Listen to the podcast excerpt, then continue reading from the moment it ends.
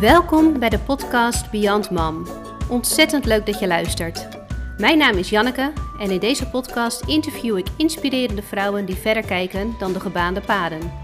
Die hun kroost hebben opgepakt om wereldreizen te maken. Ondernemers die hun business naar fully remote hebben omgezet voor een vrijer en locatie-onafhankelijk leven. En vrouwen die het lef hebben gehad om Nederland gedag te zeggen door te emigreren met hun gezin. Waar liepen zij tegenaan? Hoe hebben ze hun droom altijd helder voor ogen kunnen houden, ondanks de waan van alle dag? Hoe hebben zij het financieel voor elkaar gekregen? En welke stappen hebben ze hiervoor moeten en durven zetten? In deze podcast probeer ik daar allemaal achter te komen. Laat je inspireren en enthousiasmeren om misschien zelf ook het wereldwijde avontuur aan te gaan.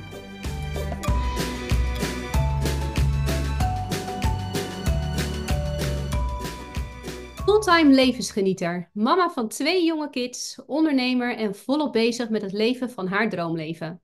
Ze heeft als missie om zoveel mogelijk ondernemers succesvol te maken om ook in vrijheid te leven. Ze werkt volledig online, waardoor ze overal ter wereld kan werken. En ze heeft hiermee de mogelijkheid gecreëerd om voor een groot deel van het jaar rond te reizen met hun camper. Ashley, ontzettend leuk dat je er bent. Welkom. Yes, dankjewel. Wat een, wat een mooie intro. ja, ik vond het ook leuk toen ik hem aan het schrijven was, moet ik zeggen. Want er zijn zoveel dingen waar ik dan weer vragen over heb. En hoe doe je dat dan allemaal met twee kinderen? En ja ik vind het sowieso uitdagend om uh, zo lang rond te reizen met een camper met kinderen. Dus ik ben heel benieuwd hoe jou dat uh, bevalt. Maar daar ga ik allemaal achter komen tijdens deze podcast. Ja, leuk. Brand maar los. Ja, nou, ik begin meteen met een hele leuke quote die ik van jou tegenkwam op de website. En dat was: serieus, als je nu niet gaat voor verandering, wanneer dan wel? Stond jij altijd al zo in het leven? Um, ik denk het wel. ja, ik was als kind zijnde altijd al tegen draad. En dat bedoel ik niet op een negatieve manier, maar ik was gewoon heel erg leergierig en nieuwsgierig. En om daar een voorbeeld van te geven, ik had, ik had niet zoveel met school. En ik zat op de middelbare school en dan moesten we voor geschiedenis moesten we een of ander iets uitschrijven. En ik vond dat eigenlijk heel saai. En toen bedacht ik me dus al, ik zat dus in de eerste van, hoe ga ik dit nou leuk maken voor mezelf?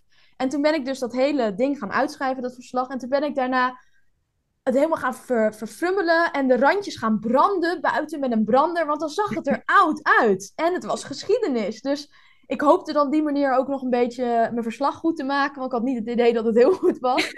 dus ik was echt helemaal trots en, en op die manier maakte ik het dan ook uh, leuk voor mezelf. Dus ik heb wel altijd al, um, ook als iets niet leuk is, maar je moet het wel doen, dan zijn er altijd manieren om het nog wel leuk te maken. Um, en ik heb dus eigenlijk ook altijd wel al dat vrije gevoel een beetje ge, gerebelleerd tegen regels en geprobeerd daar dan buiten de lijntjes te kleuren. Maar je hebt dus de school gedaan natuurlijk en toen de middelbare school, ja. waarbij je dus continu tegen regels aanloopt en het systeem en uh, de onmogelijkheden daar eigenlijk van. Ja. Uh, en hoe zag het er dan na de middelbare school uit? Je hebt wel de scholen gewoon afgemaakt en volgens het systeem een papiertje binnengehaald. Ja. en toen? Nou, ik heb um, op de basisschool ben ik geswitcht. Ik zat op een hele klassieke school, maar ik liep wat voor. En die mensen konden niet helemaal goed daarmee omgaan. Dus toen heeft mijn moeder, een heel lang verhaal, maar toen heeft mijn moeder me naar een Jeneplanschool gegaan. En dat is al veel vrijer. Dus daar mag je al veel meer zelf doen. En dat beviel me heel goed. Middelbare school was gewoon weer klassiek. Um, maar ook daar dus vond ik wel mijn, uh, mijn uitweg. Ik ben bijvoorbeeld toen ik in de zesde zat, 6 VWO was dat volgens mij, of vijf jaar, moet je zo'n profielwerkstuk schrijven.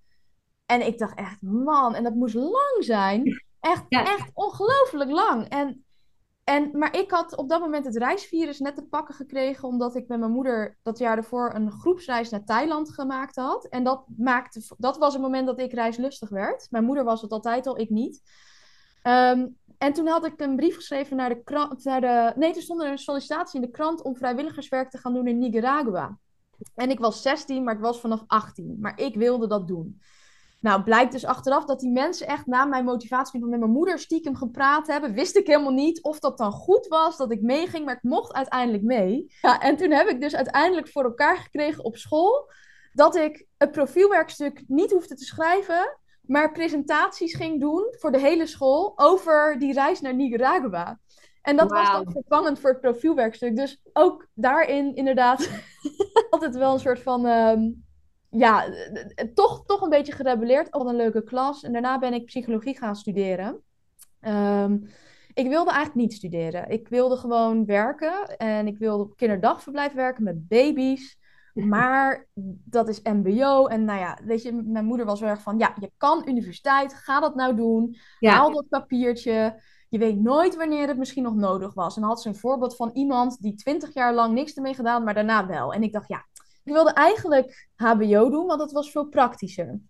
Maar op het HBO zit je uh, de hele week op school. En er is geen vrije tijd. En op de universiteit had je misschien 8 tot 12 contacturen en verder niks. Dus ik koos voor de universiteit. Ja, ja oh, dus dat was inderdaad jouw criteria. De, dat, dat maakte de beslissing, zeg maar. Ja, ja, absoluut. Ja, dus ik dacht, ja, ik kan wel psychologie gaan doen op het HBO.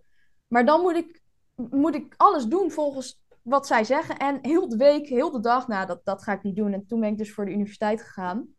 Ehm, heb ik ook weer allemaal opgerekt met reizen en in het buitenland Spaans geleerd. Ehm, daarnaast gewerkt. Op een gegeven moment had ik mijn eigen bedrijf. Um, werkte ik op het kinderdagverblijf. Ik ben ook nog een tijdje heb ik bij het leger gezeten als reservist. Um, uh, omdat ik gewoon nieuwsgierig was. Van, ja. hey, dat is een wereldje wat ik niet ken. Dus, ja, dus, dus zo ging dat eigenlijk toch ook weer door. Dat, dat vrije, echt wel dat vrije leven opzoeken. Ja.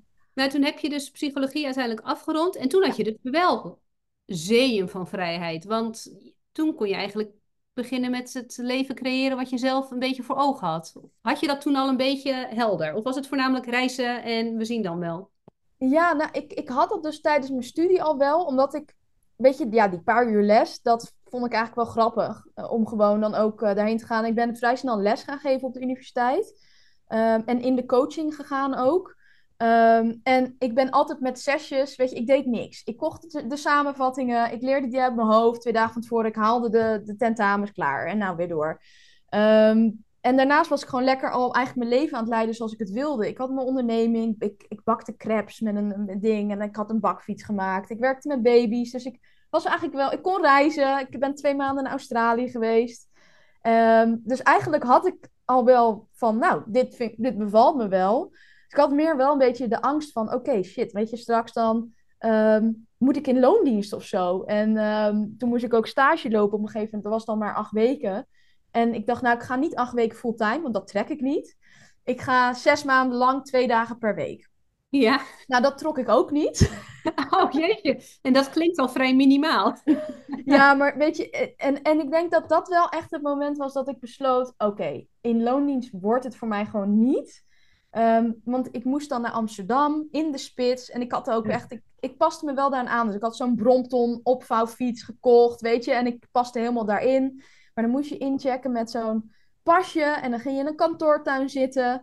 En het enige wat je deed was naar de koffiemachine lopen. Zodat je in ieder geval nog een paar keer per dag je loopje had. Ja. En verder zat iedereen maar als een soort van robot achter. Ik zat echt, en ik, na een uur was ik gewoon mijn concentratie kwijt. Ik, hoe kunnen die mensen dat? Weet je, hoe, hoe, doen ze dit? Ehm, dus ik dacht, nee, nee, dit, dit, dit gaat hem niet worden. En was dat, had dat ook iets te maken met psychologie, die baan? Ja, ja dat was... Um, ja, ik ben uiteindelijk, heb ik de master toegepaste cognitieve psychologie gedaan. Dus dat is heel erg gericht op hoe kunnen mensen nu beter gaan presteren en eigenlijk hun beste versie van hunzelf gaan worden. Maar ook heel erg gericht op bijvoorbeeld uh, human-computer interaction, uh, heel breed. Of ook bijvoorbeeld hoe demente mensen zo lang mogelijk zelfstandig kunnen blijven leven. Hoe kunnen we de hersenen trainen?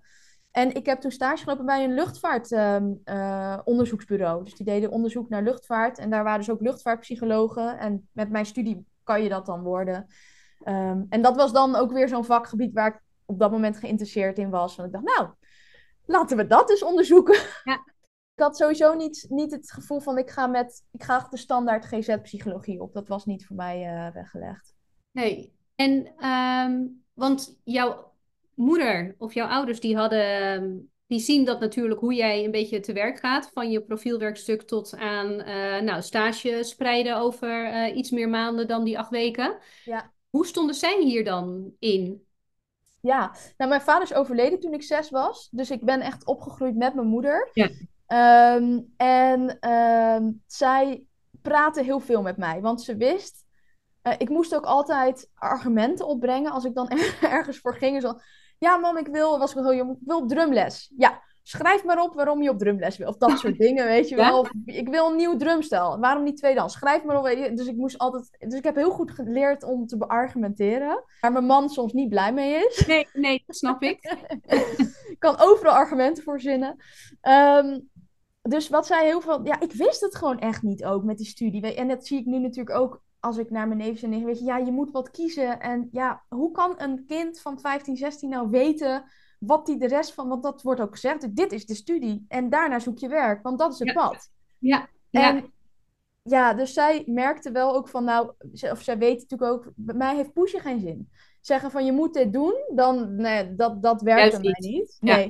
Dus ze had wel, ze had, was wel heel erg van, nou, als je dan HBO wil doen, ga dan maar kijken, ga dan maar onderzoeken hoe dat is, weet je. Nou, toen kwam ik erachter van, oh, dan moet ik de hele week op school zitten en in groepen werken. Nee, laat maar. ja, ja. Ja, dus, Valt ook af. ja, ja, dus ze liet me heel erg dat zelf onderzoeken, maar ze triggerde me dan wel telkens om dat onderzoek in te gaan. Van Ja. oké, als je dat wil, of als je nu direct wil gaan werken, hoe ziet dat er dan uit? En hoe ga je dat dan doen? En heb je dit ook overwogen? Dus dat was altijd wel heel erg op die manier. Zij, zij heeft me nooit ergens... En dan vertelde ze bijvoorbeeld ook, ja, ik heb mbo gedaan en ik heb spijt dat ik dat gedaan heb en dat ik niet doorgestudeerd heb. Dus, dus dat was, zat er ook wel achter dan, dat ze zoiets had van ja. En dat snapte ik dan ook weer, dacht ik, ja, ach, nou ja, met 12 uur per week, nou dan ga ik wel universiteit doen. Ja, en ik denk ook dat het veel meer van die generatie van ouders misschien ook is dat, dat je iets hebt gekozen en dan blijf je daar ook een beetje bij. Ja. En wat ik nu juist heel erg aan mijn kinderen doorgeef is, nou oké, ze zijn nog heel jong hè, dus ze hoeven nu nog lang niet te kiezen. De oudste is nu negen. Maar ik leer ze nu wel heel erg in te laten zien dat niks in beton gegoten is. Ja, Dus stel dat zij psychologie gaan doen en uiteindelijk wil, eh, willen ze, weet ik veel, timmerman of timmervrouw worden. Ja. Dat maakt niet uit. Dan volg je dan een opleiding of dan een cursus. Dus Ja. ik probeer wel een beetje de, nou paniek misschien niet, maar ik weet nog zo goed dat je, dat je moest kiezen voor een richting. En dat het leek alsof je nu echt een richting voor de Ja. rest van je leven aan het maken was. maar zo Eh, brengen ze het ook. Dat ja. is ook hoe het echt gebracht wordt op school. Want nou, dit is het, weet je. Ja. dit is een hele belangrijke keus. Dit is, Ja, dit is de keus van je leven bijna. Zo voelt het ook als, tenminste voor mij voelt het ook wel zo van, weet je, ja, wat ga je studeren? Wat wil je laten worden? Hoe, hoe ga je Ja. je rest van je leven vormgeven? Dat, dat is Ja. heel erg de intentie en de insteek ervan.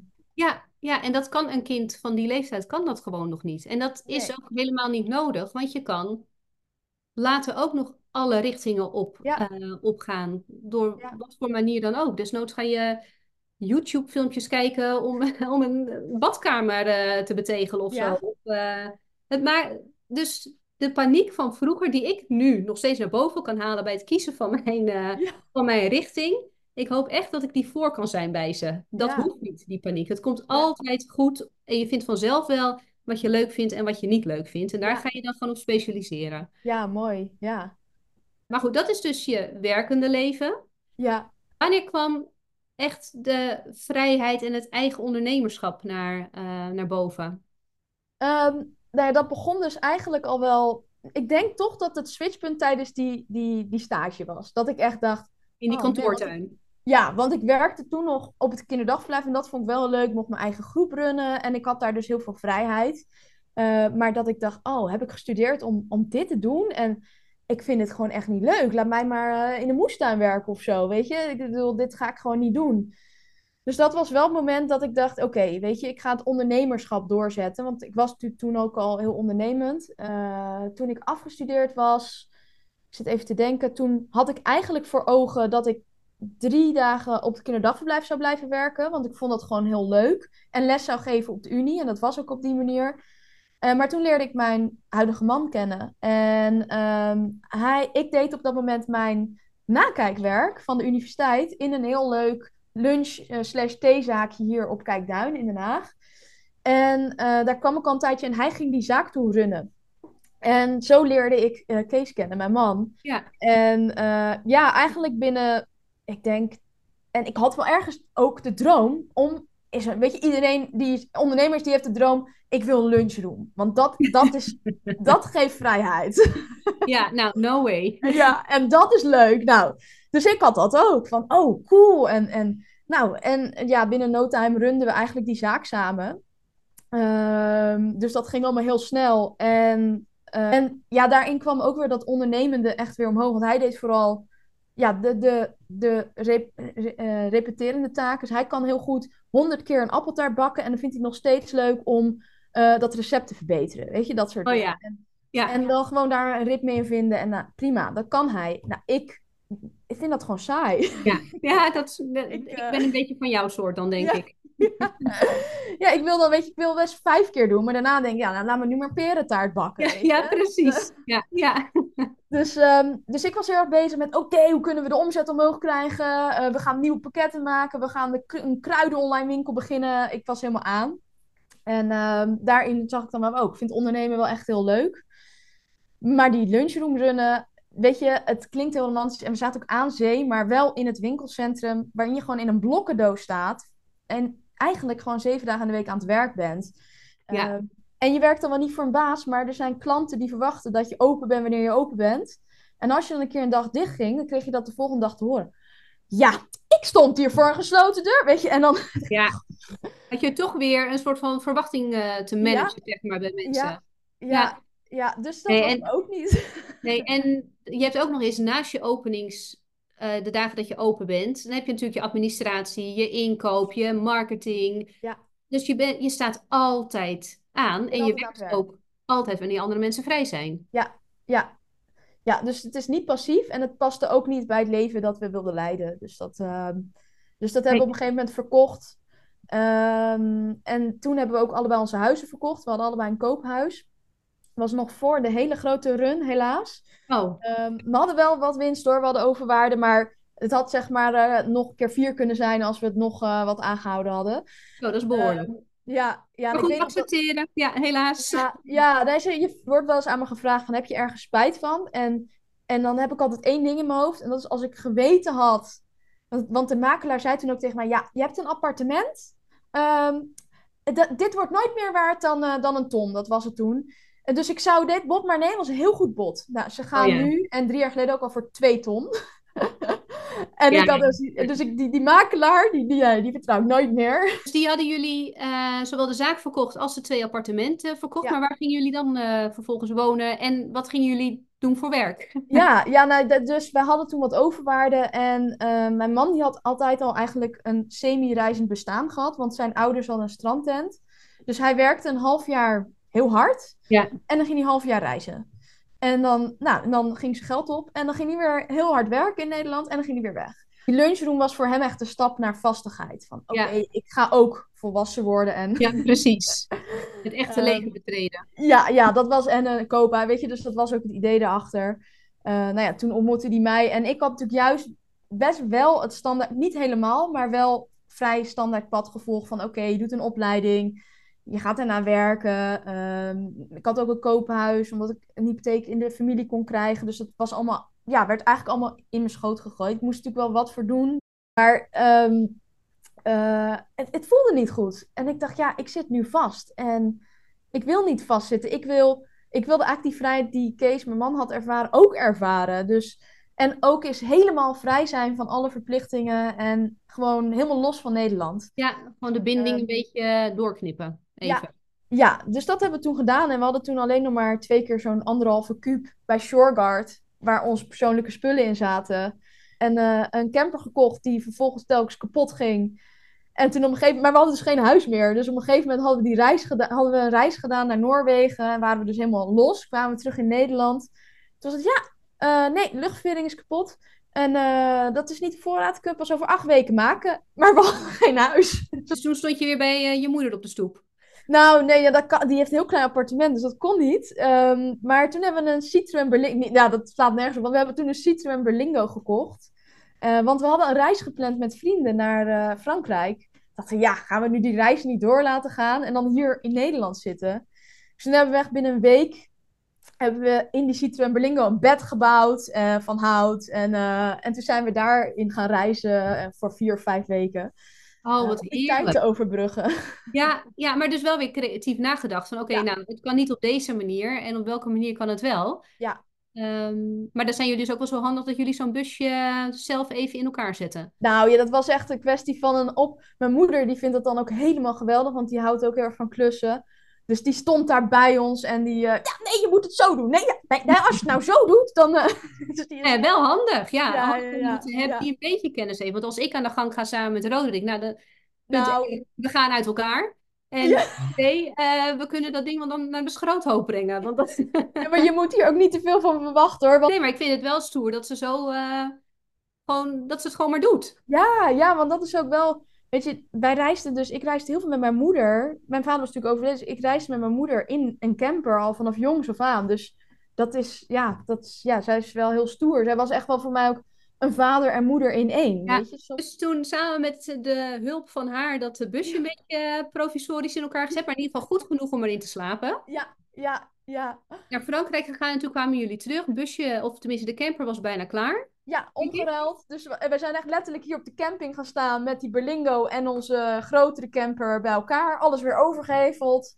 Ehm, en, en weer weggegaan. En waarheen?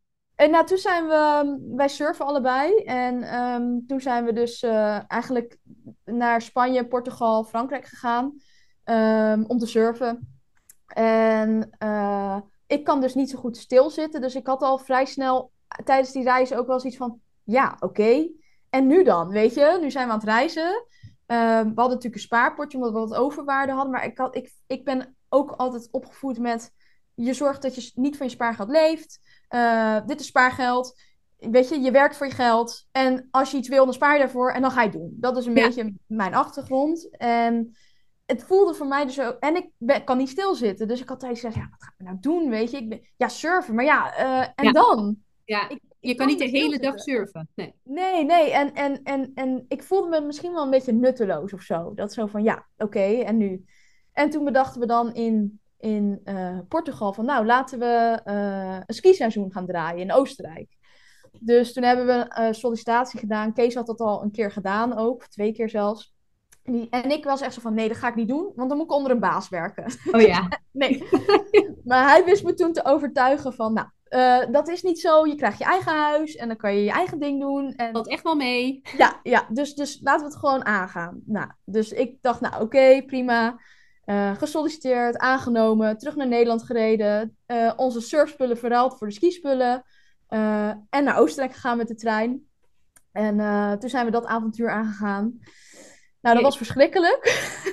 Oh, om de, vanwege de baas? Of, Ja, dat, dat was dus uiteindelijk niet zoals... Ja, hij wist dat natuurlijk ook niet van tevoren, want het was een ander bedrijf. Maar het was heel erg gericht op... We gaan nu een weekend met z'n allen in een groep eh, aan bonding doen en zuipen. En, want we moeten bij elkaar kunnen invallen. En ik had het idee, nou, we krijgen ons eigen huisje en dan ontvangen we gasten en dan kunnen we ons eigen ding doen. Maar ja, dat was gewoon niet zo. Dus Kees kan zich dan vrij makkelijk aanpassen. En ik had echt iets van... Ik werd heel ongelukkig gewoon. Ik Ja, heel wat doe ik hier? Ja, ik dacht, ik dacht, want ik was ook niet van de alcohol, van het dronken worden en nog steeds niet. En, en zij allemaal wel. En Kees kan zich dan wel aanpassen, maar ik niet. Dus ik voelde me heel erg alleen. En ik dacht Ja. ook echt, oké, als we dit gaan doen voor vier maanden, of wat is het, een skiseizoen, dan gaan we uit elkaar. dat Oh, was een ja. beetje het nieuwe. Dus we zijn dat gestopt. Ehm, en toen zijn we eigenlijk, eh, hebben we daar een vliegticket naar Sri Lanka geboekt. En daar zijn we een wereldreis, eh, eh, onze wereldreis begonnen met het vliegtuig. Daar ontstond dan het idee om een online theewinkel te beginnen. Aan de hand van dat we alle theeboeren daar bezochten. En ja, dat voldeed gewoon helemaal aan mijn ideaalplaatje van het runnen van een business. Ehm, en, en ja, ik had toen mijn project, dus daar was ik ook heel blij mee. En wij zijn toen eigenlijk, toen begon eigenlijk ons digital nomad bestaan. Want we hadden dan het idee, nou dan besteden we de logistiek uit.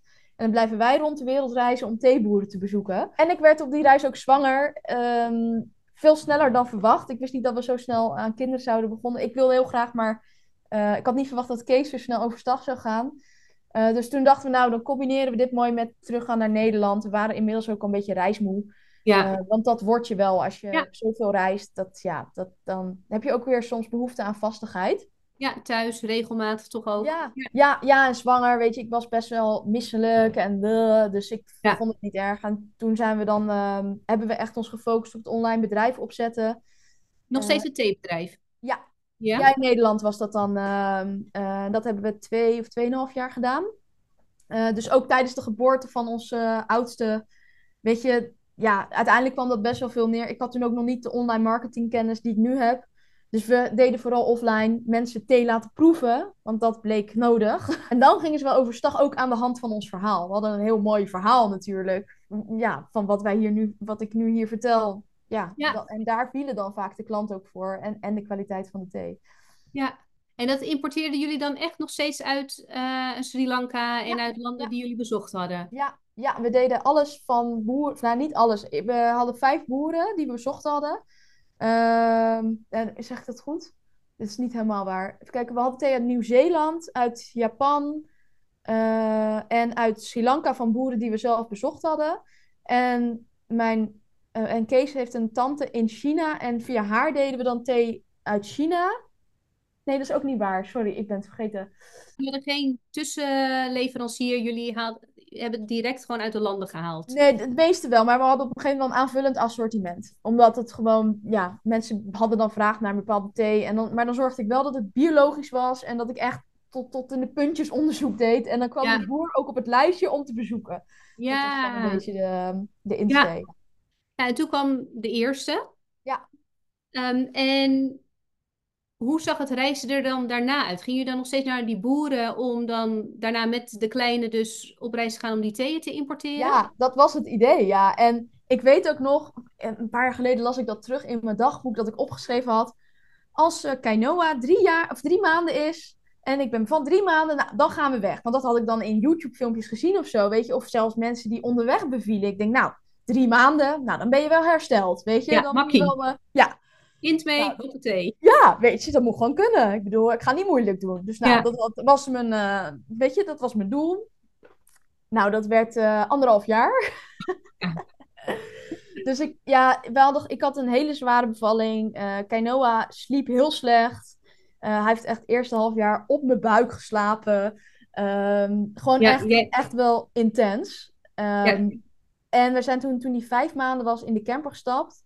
Nou, dat kind had dus een hekel aan autorijden. Maar Dus dat is letterlijk- cruciaal met een camper. dus wij zijn letterlijk op de terugweg. We zouden vijf weken naar Frankrijk gaan. En na twee weken zijn we omgekeerd. Dacht ik, nou, dit is gewoon geen doen. En eh, toen op de terugweg zijn we echt bij elke benzinestop van Antwerpen naar Den Haag hebben we gestopt. Omdat het gewoon niet ging. Hij huilde alleen maar. Het was zo sneu. Oh ja, maar je wordt eh, zelf ook, dat, tenminste, als ik heel even refereer aan eh, onze camperreis door eh, Nieuw-Zeeland. Ja. Was, nou, nu de middelste, die heeft zoveel gehuild in die camper. En er is ook maar een bepaalde mate dat je aan kan. Omdat Ja. je, je zit in zo'n kleine ruimte. En als één van de vier personen daar echt de longen uit zijn lijf schreeuwt. Nou, je wordt er zelf ook niet echt per se leuker van. Je, intens. we werden helemaal gek. Tot het punt Ja. dat we zeiden: we zetten hem aan de kant met een bordje erbij. Ja. Leuk kind, maar ga er niet mee rijden. Ja, ja, inderdaad. Ja, ja, ja, ja. dat was, dat was bij, eigenlijk bij beide kinderen. Maar bij Kainoa had ik ook nog heel erg... Ik haal hem niet uit zijn stoeltje, weet je. Het moet allemaal... En bij de tweede heb ik dat wel anders gedaan. Ehm, was ik daar iets makkelijker in. Maar ja, dat werd hem gewoon niet op dat moment. En wat je zegt, weet je, je wordt daar gewoon zelf niet blij van. Dus Nee. Wij leven heel erg op... We zijn heel flexibel wat dat betreft. Dus we kijken heel erg van, oké, we proberen het. Wasbare luiers, we proberen het. Ik heb een ideaalbeeld. Oké, lukt niet. Ja, nou, dan moet ik het schrappen. Weet je, ik probeer het wel echt eerst. Maar ja, je moet ook flexibel zijn om het daarna te schrappen. Dus toen dachten we, nou, weet je wat? We, we, we stoppen dit gewoon even. En we gaan Ja. gewoon even... Want wij waren gewoon helemaal kapot ook. Dat is gewoon... eh, En toen pas toen die... Wat was het? In september of zo? Of in, in juni? Ja, dus toen was die anderhalf. Iets van één jaar en vier maanden of zo. En toen dachten we, nou, we proberen het nog een keer. En ja, dat ging ineens... Vergeleken met dat moment, waarschijnlijk Ja. andere mensen die zullen nog steeds zeggen, wow. Maar voor ons ging het heel goed ineens. We konden zeg maar op een dag drie uur rijden met pauzes. Ehm, En, en, Enorme winst. Ja, ja, dus je dacht, nou, we kunnen drie uur rijden op een dag. Nou, zo komen we er wel. Ja, ja. Ehm, en toen kwamen we daar en, en toen weet ik nog goed dat we op een plekje zaten aan zee. En, en ik zat daar en ik dacht, oké, als hij nu... eh, dus eh, blijkbaar kunnen we nu als gezin gaan reizen, maar eh, ons be- theebedrijf was toen... We hadden die logistiek, wat je al zei, dat was veel te idealistisch. En dat lukte niet, dat uit de hand geven. Dus ik dacht, ik denk, ik dacht, oké, eigenlijk is het enige wat ons nu tegenhoudt dus dat bedrijf. Ja. En toen hadden we zoiets van, ja, waarom verkopen we dat dan eigenlijk niet maar gewoon nu? Eh, als geheel, als heel concept. En zodat het nog voortgezet kan worden door iemand anders. Want het was gewoon mooi wat we neergezet hadden. En gaan we weer reizen. Eh, en ga ik, of we dan verder op zoek naar iets wat echt online is. Dus we Ja. gingen zo langzaam van, ja, van alle offline ondernemerservaring. Waren we echt op zoek van, hé, hey, wat, wat gaat er nou voor zorgen dat we deze manier van leven eh, sustainable kunnen maken? Dat, Ja. dat was echt een zoektocht voor ons. En jij bent, ehm, denk ik, dan weer teruggegaan naar toch weer je psychologie, waar je destijds voor gekozen had. Ja, En Wat was, eh, wat ging Kees dan precies uit, ehm, uitzoeken? Nou, ehm, eh, toen begonnen we eigenlijk met A Freedom Adventure. En, dat, en we hebben toen, dat was de eerste keer dat ik online iets kocht, zo'n online cursus. En Oh ja. ik dacht, weet je, Ook dat een hele stap, hè, eigenlijk. Ja, Ja, en ik, ik kan me ook heel goed voorstellen, weet je, nu denk ik daar, kijk ik niet meer op van bedragen en leg ik het zo neer. Niet omdat ik ineens veel meer geld heb, maar meer gewoon omdat ik er anders naar kijk. Maar toen, Ja. we hadden dus 995 dollar was het. Voor een online academy. Maar daarin leerde je dan hoe je een blog kon maken en monetizen. Dus hoe je daar ook geld mee kon verdienen. En ik dacht echt van, weet je, ik weet nog dat wij hier op de bank zaten en dat we op die knop drukten, dat die koopknop. En dan, "Oh, we hebben het gedaan, we hebben het gedaan. de eerste keer is gewoon best wel spannend om daar geld aan uit te geven, omdat je ook nog niet zo goed weet wat het je oplevert. Nee, nee. Nou, en, en, en dat kan je natuurlijk nooit weten. En, maar het voelt ook heel raar. En- dus ik kan me dat ook heel goed voorstellen. Ik vergeet het soms wel hoor. Nu ik erover heb met jou, denk ik weer: oh ja, zo voelt het als je aan het begin staat. Ja. Nu denk ik soms wel eens: ja, waar zeur je nou over? Weet je, dit is de, de start van je nieuwe leven. Maar Ja. Ja, op dat moment denk je echt: ja, waar het, is niet tastbaar. nee, Dus ja, het is, weet je, je koopt een, een auto, is tastbaar. Maar dit is niet tastbaar voor mensen. Dus ja, Nee. dat is lastig. En ehm, dat voelt als een grote stap. Maar ja, wij zijn, we hebben heel veel van geleerd. Dus we zijn toen echt samen online gaan eh, ondernemen, samen gaan bloggen. Ehm, we hebben toen onze eerste cursus gemaakt, eh, eh, die al over financiële vrijheid ging. En wanneer was Ehm, dit een beetje? Welk jaar of hoeveel jaar geleden? Dit is eh, vijf jaar geleden nu, vier jaar geleden? Vier Ja? jaar geleden, denk ik. Eh, ja, vier jaar geleden is dit nu. Ehm, en dat was dus echt het moment dat we echt volledig online gingen. En, maar toen had ik nog heel veel moeite met mijn niche vinden. Van, ben ik te breed? Ben ik te, te, te, te- Weet je, dat vond ik allemaal heel lastig. Ehm, en, en Kees vond online ondernemen niet zo leuk. Weet je wat? Ik ga gewoon... Ik heb een psychologieachtergrond. Ik kan coachen. Ik heb inmiddels tien jaar ondernemerservaring. Misschien moet ik dit combineren. Dus het was Ja. ook niet per se dat het... Ja, het, het gebeurde gewoon. En ehm, En het was opeens ook heel logisch. ja, ja, Ja. ja, kreeg mijn moeder toch gelijk. Ja, ja, precies. Ja, tien jaar later heb je er alsnog wat aan. Ja. Ja, ja dus, eh, dus en toen is dus mijn huidige business eigenlijk ontstaan. In, en tussendoor kreeg ik dus nog een kind, Xavi. En ja, en dat was ook het moment, eigenlijk samen met zijn geboorte ben ik dat langzaamaan gaan opzetten. Ja, en dat kan je dus inderdaad vanuit waar dan ook ter wereld doen. Want dan geef Ja. je alleen online, eh, is het dan één op één coaching of Ja. eh, groeps? Ja, nee, wat, wat, ehm, kijk, dat loopt ook weer altijd anders dan je denkt natuurlijk. En ook daarin, weet je wat jij ook zei, volgens mij, ik weet niet meer precies welke quote je nou net gaf van me, maar je moet gewoon beginnen. Ja, En ehm, ik begon met het idee van, nou, ik ga compleet passief. Dus ik begon met het maken van een academy, de Online Business Academy, waarin ik mensen leerde hoe ze een online cursus moesten maken. Ehm, tussendoor ook nog even webdesigner eh, taken gedaan en daar een online cursus over gemaakt. Om nog meer te testen van, hey, werkt dit echt en zo? Daarna dus de Online Business Academy gaan maken, waarin ik die kennis allemaal wilde stoppen. En eigenlijk puur passief, zoals wij die blogcursus gekocht hadden, over wilde dragen. Ja. En ik had toen een paar pilots verkocht. Ehm, en daar deed ik dan, omdat het een pilot was, deed ik er één op één coaching bij. Ja, ja. Omdat ik, nou ja, ik begon net en ik wilde op die manier. ehm, Ook maar wat bleek, ja, wat bleek die één op één coaching, vond ik eigenlijk heel leuk. en dat ging ook heel goed. En, en op de een of andere manier, ja, liep dat. En toen dacht ik, oh, en daardoor ver, ja, ging de focus een beetje weg van dat, dat automatiseren en verder doorgroeien. En focuste ik me meer op één op één.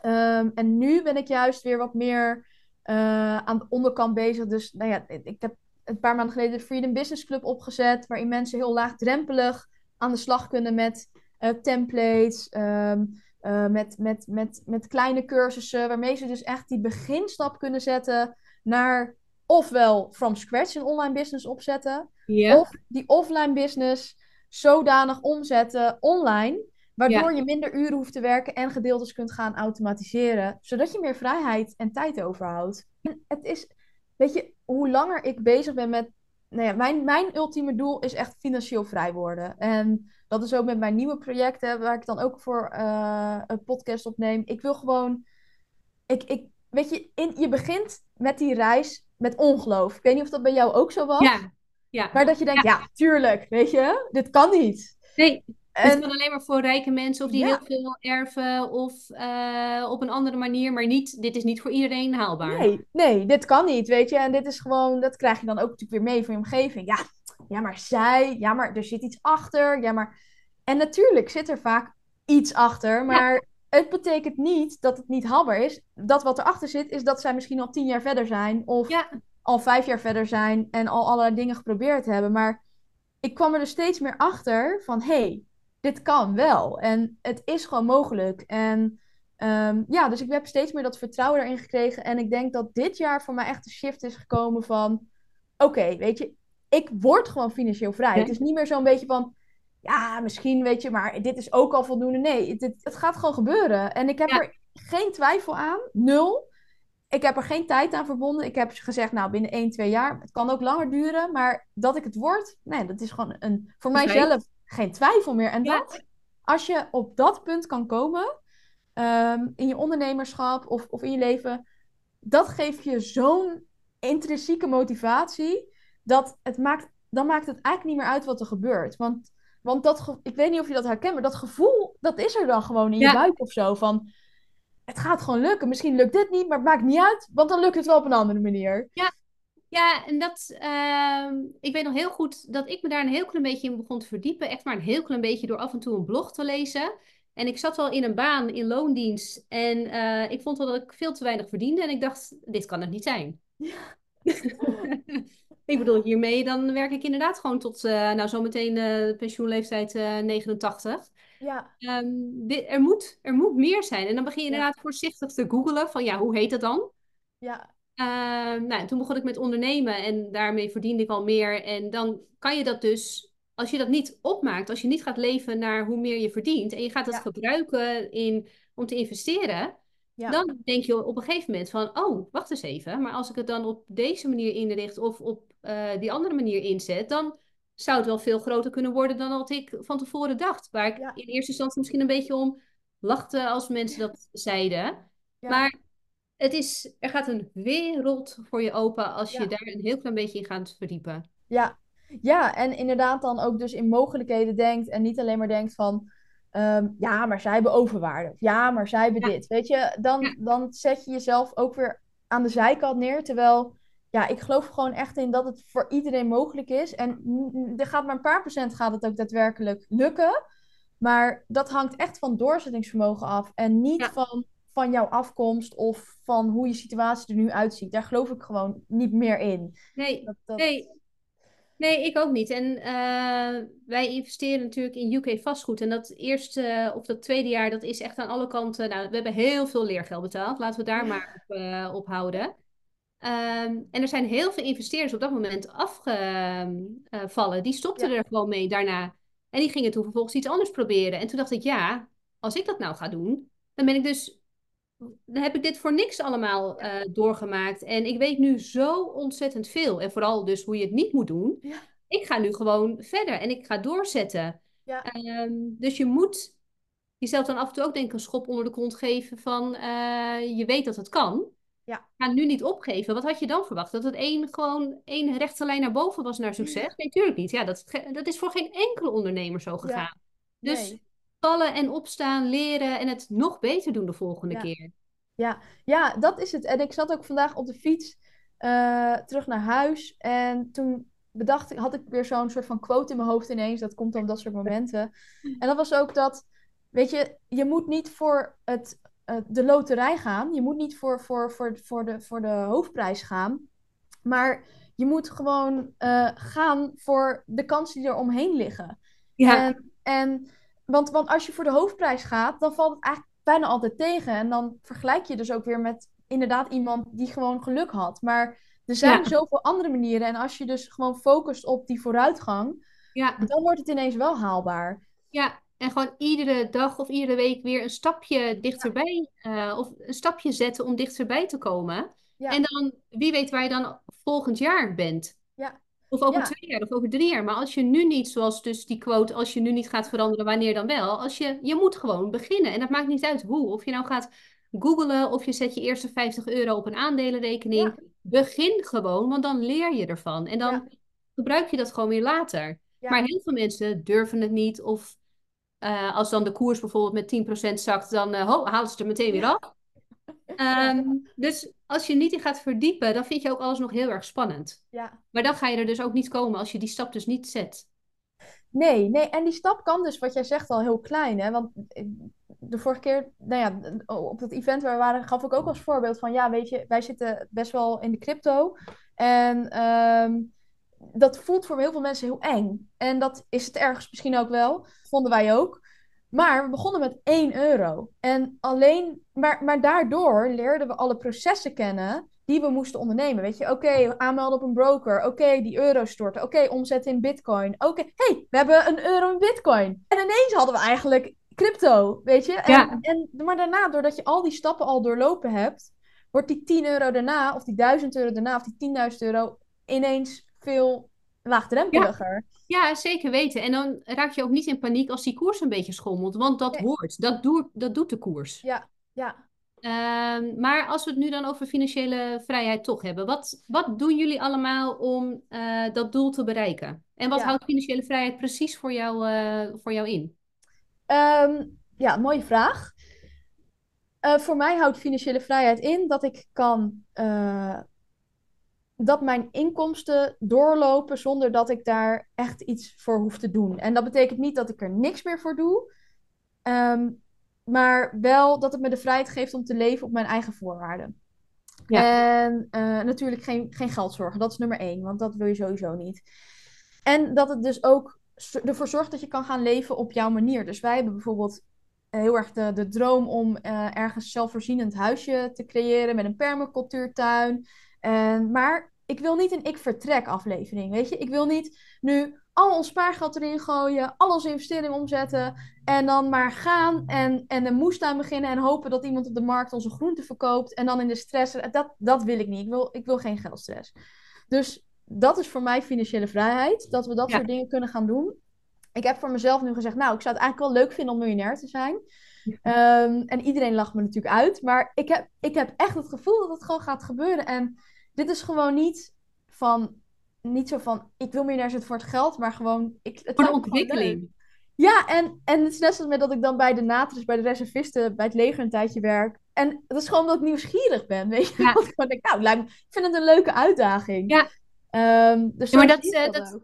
Dat zeggen mensen eh, ook wel eens van, inderdaad, ik kan me voorstellen dat veel mensen daarom eh, moeten lachen. Maar het gaat, in, het gaat niet om dat gelddoel. Het gaat om de enorme ontwikkeling die jij dus hebt te maken naar eh, miljonair zijn. En Ja. dat heeft dus niet met het bedrag te maken, maar dan ben jij dus zo'n ander mens, omdat je dus andere kansen, je bent Ja. eh, opleiding of weet ik veel, je bent een ander businessmodel gestart. Ja. Ehm, voor mij zie ik dat dus inderdaad ook veel meer als een soort van groeidoel dan als een gelddoel. Ja, ja, dat is het denk ik ook. En ja, het klinkt natuurlijk ook gewoon lekker. Ik bedoel, ja, dat is, weet je, dat is net zoals weet je, de 10k maanden of de 100k jaar of weet ik Ja. veel. Dat zijn natuurlijk dingen waar mensen, veel mensen eh, ook naar verlangen of zo. Maar kijk, uiteindelijk weet je, en dat, en ehm, ik, ik, weet, ik weet ook niet hoe de toekomst eruit gaat zien, maar ik zie ook wel voor me dat als ik eenmaal dat doel bereikt heb eh, en helemaal financieel vrij ben, dat ik misschien wel helemaal verdwijn van het internet.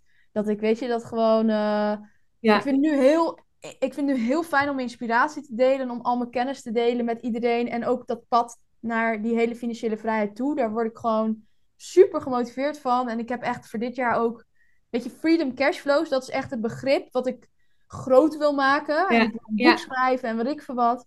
Maar ik heb ook iets van, nou ja, misschien is het daarna wel eh, klaar als ik mijn doel bereikt heb. Nou ja, mij kennen misschien ook niet, maar Nee, daar ben je dan veel te ondernemend voor. Dus dus zal er wel weer iets anders komen. Of je Ja. gewoon helemaal los op je, eh, op je moestuintje. Dat kan dat ook. bijvoorbeeld, weet je, Ja. lekker klussen, lekker eh, timmeren met mijn zoons. En, eh, Ja, ja want ehm, nou, even nog, ik heb nog steeds honderd vragen.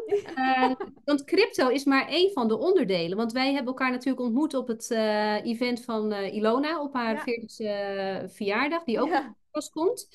Ehm, en jij hebt volgens mij bij haar dat Tiny Cabin Project gevolgd. ja, klopt. Uiteindelijk met het doel, een klein huisje, om eh, Nou- passieve inkomsten of voor jezelf. Ja, nou eigenlijk, weet je, Ilona volg ik al heel lang. En ik vind haar gewoon heel inspirerend. En eh, zij startte dat project. Maar eigenlijk nog voor het project startte had ik al een huisje gekocht. Oh, had je dan zo'n recreatiewoning? Ja, nou, wij, wij, nou dat, dat zij dat startte, omdat ik haar natuurlijk een tijdje volg, dat ik... Oh ja, toen Kainoa, toen ik hoogzwanger was van Kainoa, hebben we hier op een vakantiepark zo'n huisje bekeken. Met hetzelfde idee als investering.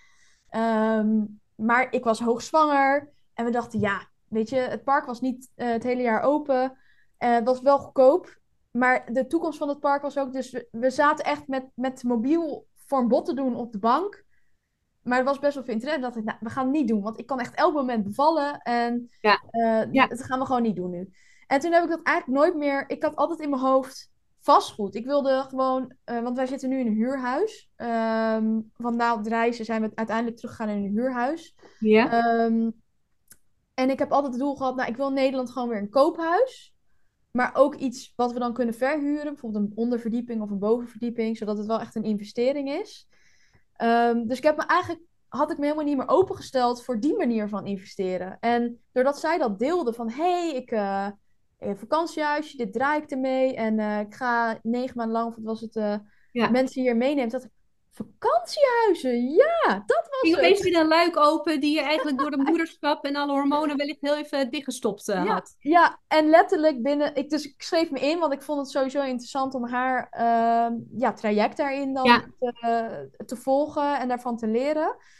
Eh, maar binnen twee weken hadden we eigenlijk een vakantiehuis. dus Ja, dus cursus snel. geslaagd. Alleen Ja. al doordat die cursus überhaupt gelanceerd werd. Ja, alleen al doordat zij dat deelde. Ja, Ja. dat was. Kijk, ik zat, zit dan natuurlijk in een heel ander, andere fase dan iemand bij wie dan net dat plantje ge- of dat zaadje geplant wordt. Ik zat Ja. dan helemaal in de. Oh ja, dat was het. Oh ja, nou, hup, marktplaats, actie. Maar dat is Ja, omdat ik er al jaren geleden mee bezig was. Ja, ja. Ehm, dus ja, en toen hebben we inderdaad een eh, tiny house gekocht, eh een stagelet, of een staakerf, hoe je het ook wil noemen, ehm, op de Veluwe. En ehm, dat is nu, eh, in april is dat een jaar, hebben we dat dan. En in de tussentijd moest er nog veel aan gebeuren, want dat zie je wel vaak bij dat soort huisjes. Ja, nee, het was, eh, dat was, daarom was het ook wel een, een, een eh, nou, Ilona zou zeggen een pareltje volgens mij. Ja. ehm, het was, het was al verhuurd op Airbnb. Dus zij hadden het al opgeknapt. En een schuurtje geplaatst, een, een ding. En ze hadden het netjes wit geverfd. En weet je, het was wel heel standaard. Nog steeds, we hebben er dus wel uiterlijk gezien wat aan gedaan. Het wat meer aangekleed. Ehm, maar geen grote dingen. Dus we hebben echt de keuken, de douche, weet je. Het is allemaal geen high, high level, high-end eh, hip of zo. Maar het is gewoon oké. Ja, En ja. het verhuurt. En voor ons is dat voor nu prima. Ehm, dus wij hebben ook echt gezegd van, nou, we kijken in een jaar van, hey, bevalt dit of niet? We geven onszelf daar een jaar voor. En dan kijken wat de opbrengsten zijn. Eh, is het rendabel? Eh, Ja. Kunnen we dat nog omhoog klikken? Ja. Dus ehm, ja, en dat, en dat voelde ook heel erg. Ik had dan eigenlijk, want we zijn deze winter weer weg geweest. Ik had echt heel erg, ik wil dit jaar, voordat ik wegga, wil ik vastgoed. Weet je, dat was heel erg zo'n doel. Nou, dat is niet gelukt, maar ik dacht, nee, we hebben het wel, want we hebben Ja. een recreatiepaspoort. Je mag, af, wel ja, je mag af en toe ook wel wat liever zijn voor jezelf. Je hebt ja, wel degelijk iets van vastgoed eh, Nou, voor de verhuur waar mensen gewoon lekker in kunnen slapen. Heb je gewoon. Ja, ja, kijk, het is geen, eh, geen flat in de UK of zo, maar... Ja, die heb ik ook nog niet hoor. Ja, Nee, die nee, maar, ja, die blijft ook maar duren. Dus eh, Ja. ik denk dat het sneller is als ik me nu ga focussen op een recreatiewoning. Ja, dat is wel, het is heel laagdrempelig. Dat vind ik wel heel fijn van een recreatiewoning. Want dat hebben jullie cash gekocht of is daar ook een soort van hypotheek op mogelijk? Nee, dat hebben we cash gekocht. Oh, En is dat mogelijk, een hypotheek op dat soort woningen? Of hangt het er dan weer vanaf of het van steen of van hout is? Ja, volgens mij hangt dat. Ja, steen, steen volgens mij alleen. Ik, Ah, Oké. Maar ik ben daar niet. Ik denk dat Ilona daar meer verstand van heeft. Ehm, maar volgens mij is het heel lastig om op, eh, op zo'n woningje. Ja. Ga je het niet krijgen. Op stenen woningen wel. Wat op? Op stenen woningen krijg je Ja, wel. ja. Nou, ik heb heel toevallig heb ik nu dan eh, net nog haar cursus mogen kopen. Eigenlijk Oh, is het al lang afgelopen, maar ik werd dus op dat event best wel getriggerd van, oh ja, recreatiewoningen. Wij hebben dan zelf een staakcaravan op Bakken, maar dat mag maar vier weken per jaar verhuurd worden. Oh, Dus ja. dat is echt ons eigen huis waar Ja. wij de hele zomer in, eh, in doorbrengen. Heerlijk. Maar alleen al het feit dat zij op die manier mensen heeft meegenomen op haar reis, Ja, dacht ik, oh ja, daar kan ik best wel geïnspireerd door raken. Door dat Ja. wellicht ook een keer te doen voor de UK. Om gewoon met een Ja. gesloten groepje Ja. te laten zien, oké, nou hier lopen wij allemaal tegenaan. En niet als coach, maar absoluut niet als coach. Want daar vind ik mezelf nog lang niet eh, kundig genoeg voor. En dat staat ook helemaal niet op mijn lijst. Maar daardoor zien mensen wel het echte verhaal. Ja. ja, dat is ook wat ik nu doe met de Freedom Business Club. Dus bijvoorbeeld vanochtend nog heb ik een filmpje opgenomen over hoe mijn advertenties draaien op Facebook. En eh, dat er gewoon nul sales uitkomen. Weet je? Dat ik... En dan Ja. laat ik dat ook gewoon zien. Omdat ik niet wil dat mensen denken dat het zomaar altijd goed gaat of zo. Ja. Weet je? Ja, maar dat Eh, is natuurlijk het plaatje wat heel veel wordt geschetst op on, eh, on- Ja. in de online wereld. Ja. Investeer 10.000 en je hebt binnen een jaar 20.000 op je rekening. Ja. Dan denk ik, nou, dit is totaal niet haalbaar. En dat zien wij Nee. natuurlijk ook heel veel over de UK. En eh, dan denken we, oh jongens, echt, als jullie toch eens wisten hoe niet passief dit allemaal was. Ja, ja. Ja, en dat is dus ook waarom ik, niet dat ik de hele tijd, maar ik, ik ben gewoon zo enthousiast over het begrip freedom cashflows. Omdat ik dus weet dat heel veel mensen, weet je, dat passief, dat insinueert dat je niks doet. Ja, Maar dat is Ja. het niet. Het is een inkomstenstroom waarmee je vrijheid creëert. En ja, dat, dat vind ik gewoon zo super tof aan dat naar buiten brengen ook. Van, weet je, ja, je moet ervoor werken, maar wat heb je liever? Dat je werkt voor je vrijheid of dat je werkt voor je baas? Ja, En waarbij mensen dus wel, eh, waardoor ze zich vaak tegen laten houden, is dus het stukje veiligheid natuurlijk daarin. Ja. Ja, maar dit kan prima naast je baan. Dat raad ik eigenlijk ook altijd aan, weet je. Van je hoeft niet... Ik ben ook heel erg risicomijdend. En ik zou nooit, weet je, mijn man die kan eh, dik in het rood gaan en dan gewoon thuiskomen en heel hard werken. En dat vindt hij prima, want hij Ja. weet dat hij daarna gewoon gaat werken. Maar ik niet. Ik wil zekerheid. Dus Ja. ik doe dat op een andere manier. En zo zijn er, denk ik, nou ja, je hebt waarschijnlijk nog veel meer, maar twee verschillende soorten mensen, weet je. Die, de een die kan dat en de ander niet. En Ja. ehm, ja, ik raad ook altijd aan, weet je, ook met het online, opzetten van een online business. eh, start gewoon klein, weet je. Ga, begin maar eens gewoon met het uitdragen van je idee.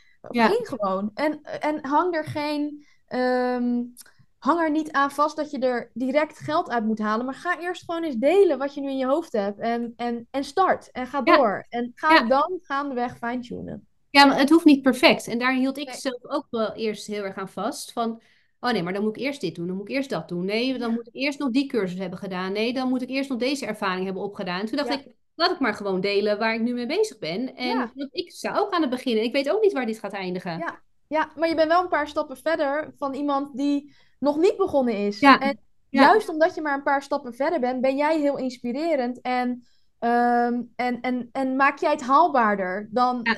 Haalbaarder dan iemand die al twintig panden heeft en miljoenen draait. Want ja, pff, hallo, hoe is die Ja, dat, voelt, dat is dan een mega stap inderdaad. En nu kan iemand nog zien wat de kleine stapjes eh, daarin eh, in zijn.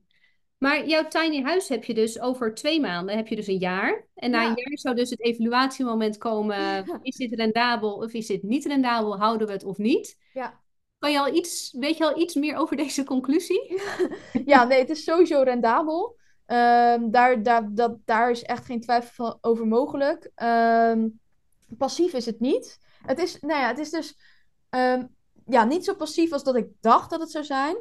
Om bijvoorbeeld een voorbeeld te geven. Weet je, omdat er short stay is, heb je best wel eens dingen. Bijvoorbeeld, weet je, dan krijg ik een berichtje. Ja, toevallig vandaag komen er gasten aan. Dus ik moet straks ook even checken. De kachel doet het niet. Jij krijgt Oh, ja. de gaskachel niet aan. Weet je, dat soort dingen. Dus er is wel eens wat. En dan ben jij wel het contactpersoon. Dan kan je het ook helemaal te handen geven. Maar dat gaat ten koste van je rendement. Ja, ja. Ehm, ik doe eigenlijk vrijwel niks. Dus ik heb het op Airbnb geplaatst. De reserveringen komen binnen. Ik doe geen schoonmaak, we doen niks. Ehm, maar je bent wel afhankelijk van je schoonmaakster. Snap je? Ja, Dus Heel als die erg. schoonmaakster wegvalt, dan betekent dat dat ik geen nieuwe boekingen aan kan nemen totdat ik een nieuwe schoonmaakster heb. Ja. Als ik een slechte schoonmaakster heb, betekent dat dat ik slechte reviews krijg, dat ik minder boekingen krijg en dat mijn hele hoofdstatus eraan gaat. Ja. Dus, ehm, dus het is anders dan dat je een pand koopt voor de long-term verhuur. En ehm, daarin viel het me dan wel tegen. Om maar gelijk even met daarna kun- kunnen het positieve belichten. Maar Ja, juist eh, heel fijn dat je ook de andere ja, kant wil laten ja, zien. en dat is wel, weet je, dat, het is niet. Ik haal ook niet eh, een 20% rendement of zo. Ik denk wel dat het haalbaar zou zijn als ik het huisje helemaal strak zou maken. Maar om maar een voorbeeld te geven, wij doen homeschooling. En we hebben ook gewoon. We waren vorige week of twee weken geleden een weekend. En dachten, oh, doen we even een paar klusjes. Ja, met twee kleine kinderen om je heen. Werkt het gewoon niet. Het werkt gewoon niet. Het is gewoon onmogelijk. Dus. ehm, want ze willen helpen en ze willen op de trap staan en ze willen schoonmaken en ze willen ook. En daarna gaat er iets over de vloer. En het is Ja. gewoon, ze zijn klein en dat, en dat is logisch. Dus daarin, nou vooral het schoonmaakgedeelte. Weet je, we zitten ook in een eh, tijd dat de banen voor het oprapen liggen. Dus vind maar Ja. iemand die flexibel wil gaan schoonmaken en dat ook nog eens goed doet voor een redelijke prijs. Ja. Dat vond ik echt een uitdaging. Eh, is me wel gelukt, maar ik heb wel af en toe zoiets van, oeh, als zij wegvalt, Ja, wat dan? Dus Ja.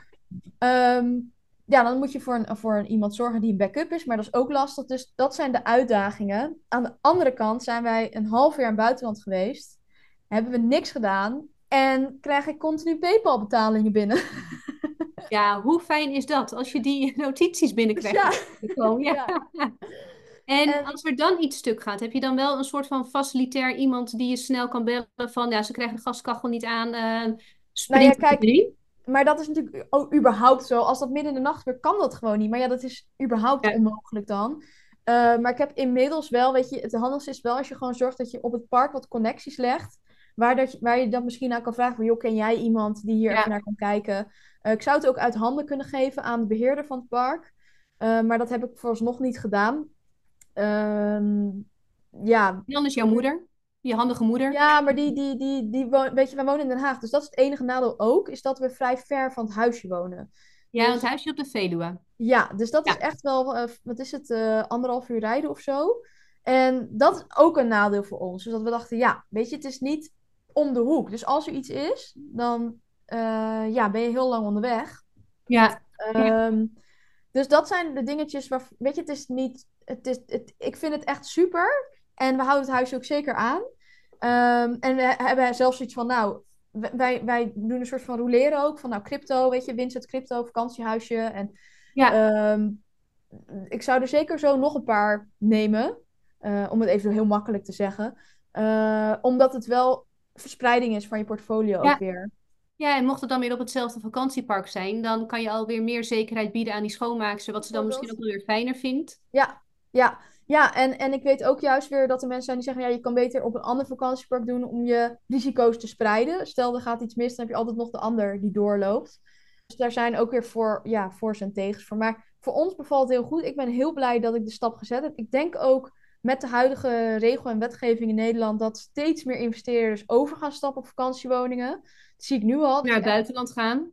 ja, buiten, maar dat is Ja. natuurlijk voor investeerders toch vaak een grotere stap Ja. dan een vakantiewoning. Eh, waarbij het rendement gewoon super hoog ligt in vergelijking tot gewone verhuur. Ja, Ehm, en ja, als je hier aan denkt, hou ook de parkregels goed in de gaten. Want dat is ook belangrijk, dat ze Ja. het wel toestaan. En als het, niet, als het wel gedogen, maar eigenlijk niet toestaan, weet dan dat je daarmee een risico loopt dat het Ja. misschien in de toekomst eh, Ja. niet meer gedoogd wordt.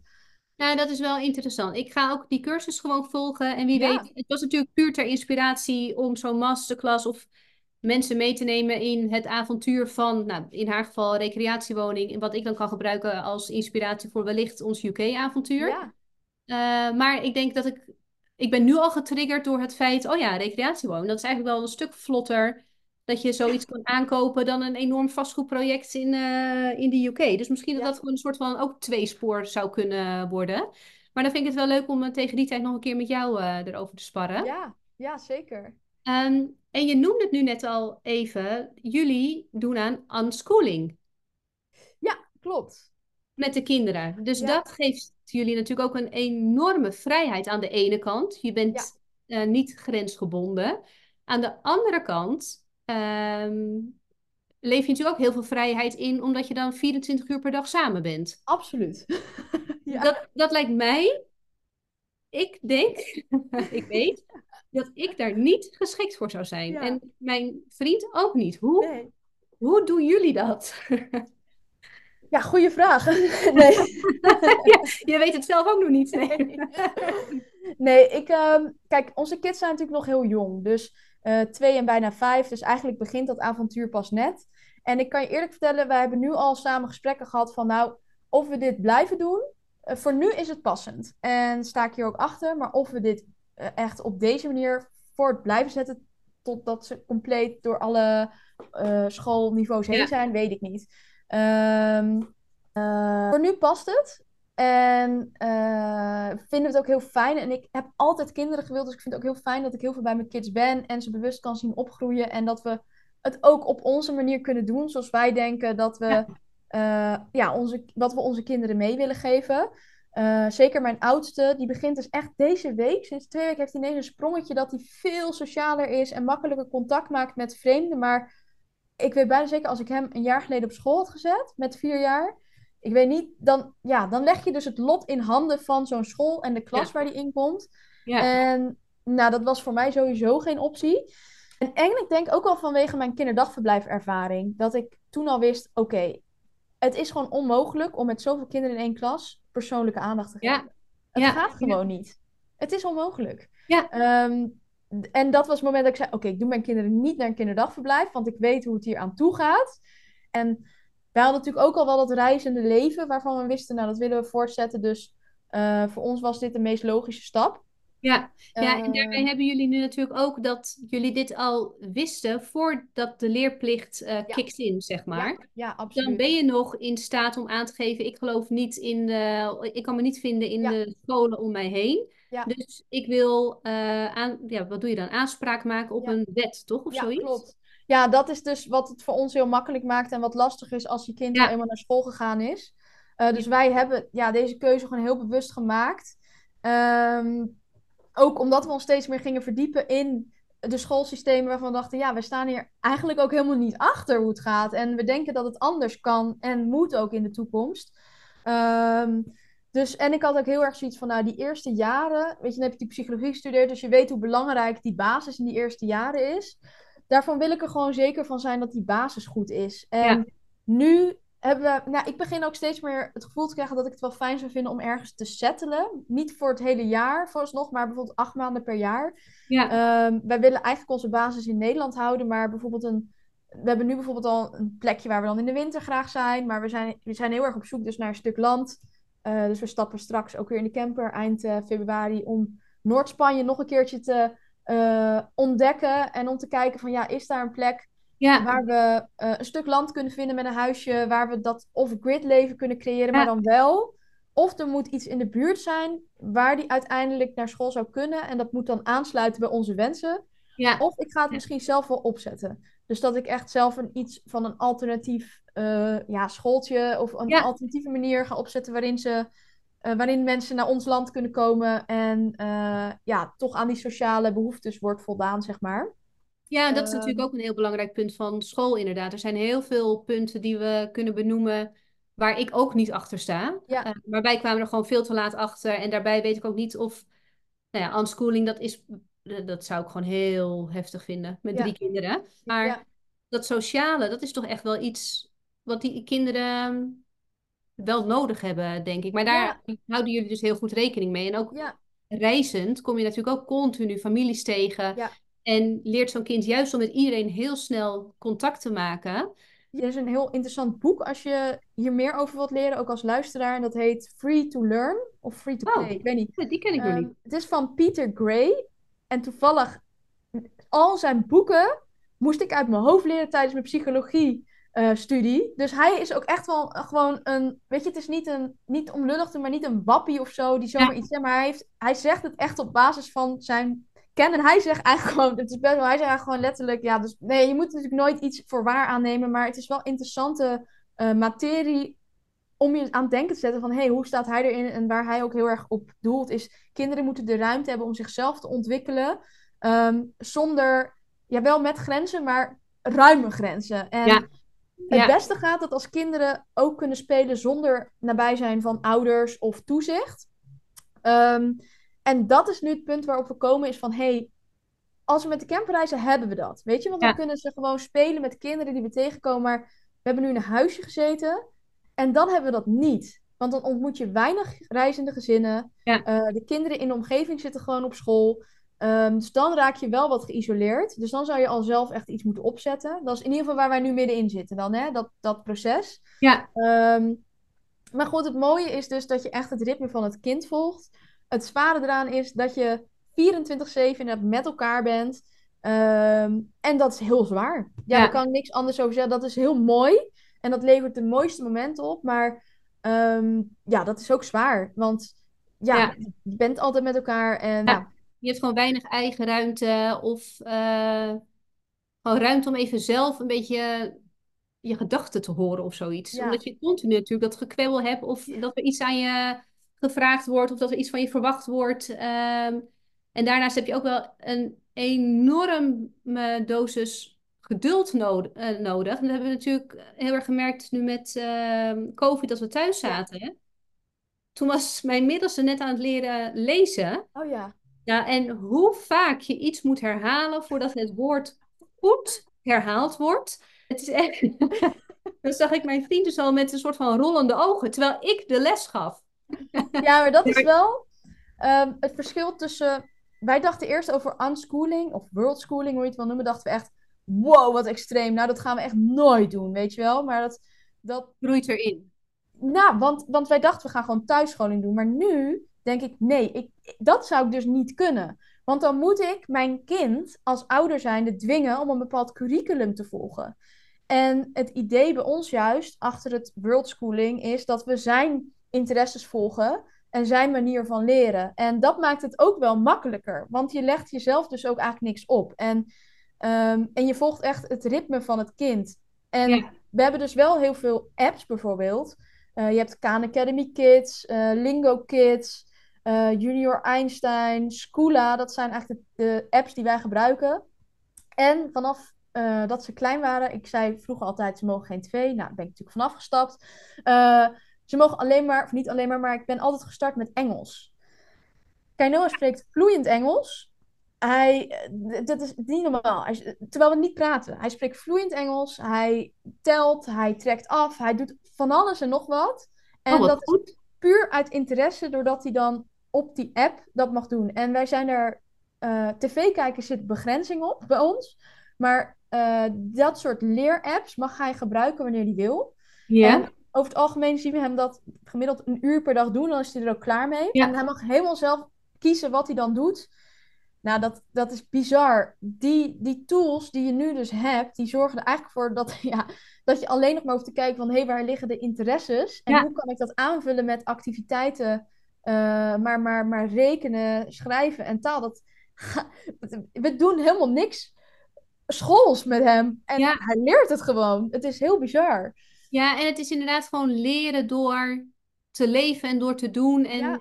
ehm, en inderdaad naar interesses kijken wat hij leuk vindt. Dus dan voelt het ook al niet als leren. En je zit niet vast in de kaders van het schoolsysteem, waar ehm, ja, wat echt wel zijn uitdagingen per kind met zich meebrengt, denk ik. Ja. En dat het ook helemaal niet de juiste manier is om evenwichtige volwassenen ehm, neer te zetten op deze wereld. Die Nee. weten wat ze willen en naar hun gevoel luisteren. Nou ja, en ik kan hier nog wel uren over praten. Misschien moeten we dat gewoon een volgende keer doen. Of we een keer moeten afspreken om te lunchen. Want nou, daar kan ik echt eh, helemaal los over gaan. Ja. Maar laten we het voor nu heel even houden bij ehm, nou, het afronden nu van de podcast. Ja.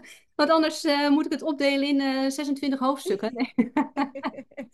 Ehm, nou, ik vond het ontzettend leuk om alles van je te horen en te leren hoe jij het, eh, hoe jij het ziet en het coachen en hoe je geswitcht bent naar het volledig online coachen. En dat je nu dus ook eigenlijk nou ja, totaal van het gebaande pad afgaat door de mogelijkheden te bekijken van unschooling, maar ook dat niet in beton gieten. Ja. Dus dat je in Spanje of waar je dan zo meteen ook terechtkomt, dat je misschien wel een soort van kleine schoolgemeenschap of een community Ja. wil opzetten. En ik denk dat het juist heel verfrissend is voor mensen om nu te horen dat het hoeft allemaal nog niet kant en klaar uitgestippeld te zijn voor de komende tien jaar. Ja, Als dit nu goed voelt, en daar denk je natuurlijk wel een tijd over na, over helemaal unschooling. Dat zijn natuurlijk wel enorme beslissingen om te nemen. Maar het is niet een levenslange keuze. nee. Dus ik denk dat, ehm, dat je hier wel weer wat mensen mee hebt, eh, hebt geïnspireerd. Mij in ieder geval om het weer even onder de loep te nemen, wat ik nou bijna dagelijks doe. Maar ik zal ook nog een keer naar, goed naar het unschooling kijken en eh, vervolgens naar mijn vriend en dan tot de conclusie komen, nee. Nee, nee maar heel erg bedankt dat je, eh, dat je in de podcast te gast wilde zijn. Ja, dankjewel voor de uitnodiging. Ehm, maar we hebben het nu al heel kort in de podcast even gehad over de Freedom Business Club. En dat is voornamelijk voor, eh, of eigenlijk alleen maar voor vrouwelijke ondernemers of eh, ondernemers to be. Ehm, en dat je mensen ehm, de kans wil geven, of in ieder geval twee luisteraars, de kans wil geven om drie maanden mee te liften op de Freedom Business Club gratis, om te zien of het iets voor ze is. Ook voor mensen met een minder budget. Dat ze door jezelf te omringen met like-minded people, te laten zien dat iedereen een vrijer leven kan leiden. En Ja. door middel van het kennis delen en laten zien waar jij staat en waar je naartoe wil, maar ook natuurlijk, kan ik me voorstellen, met de andere ondernemers die in, eh, in de club zitten, dat je elkaar uplift, zeg maar, Ja, en empowert om verder te kijken. Dus vind je dat interessant? Stuur mij een berichtje of stuur Ashley een berichtje via haar, eh, via haar Instagram-pagina. Die zal ik ook delen in de show notes. En dan wil ik iedereen heel erg bedanken voor het luisteren. En Ashley, voor jouw verhaal. Yes, dankjewel nogmaals voor de uitnodiging. Ontzettend leuk dat je hebt geluisterd naar deze aflevering. Veel dank daarvoor. Wil je geïnspireerd blijven en op de hoogte gehouden worden over de volgende aflevering? Abonneer je dan op deze podcast. En ben je enthousiast over de ondernemende en leuke vrouwen die hun verhalen en tips met ons delen? Laat dan een comment of review achter, zodat we nog meer luisteraars kunnen inspireren.